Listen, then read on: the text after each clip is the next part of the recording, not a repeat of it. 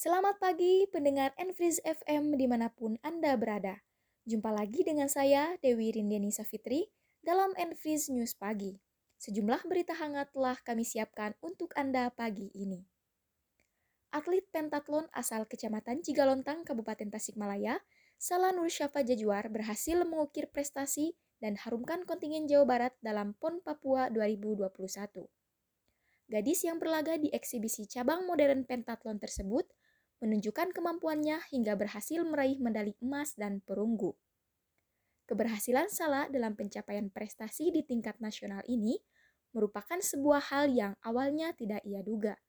Hal tersebut karena dirinya yang kini masih duduk di bangku SMP harus bersaing dengan para atlet lain dari berbagai kalangan. Persaingan ketat tidak membuat semangat juang salah kendor. Justru anak ketiga dari pasangan Dindin Jumardin dan Ade Juarsi itu mengaku dirinya semakin terpacu.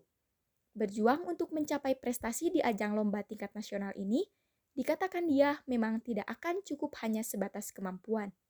Namun juga mental untuk jadi juara harus menjadi motivasi yang sangat besar. Keberhasilan Sala yang bercita-cita ingin menjadi polwan ini tentu tidak hanya membuat keluarga bangga, namun juga masyarakat Kabupaten Tasikmalaya. Bahkan, Bupati Tasikmalaya, Ade Sugianto langsung mengucapkan selamat melalui saluran telepon. Besar harapan Bupati Ade, prestasi Sala bisa memotivasi para siswa atau para atlet khususnya yang ada di Kabupaten Tasikmalaya.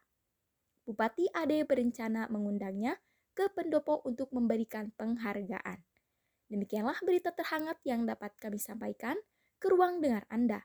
Selamat pagi, selamat beraktivitas, dan sampai jumpa.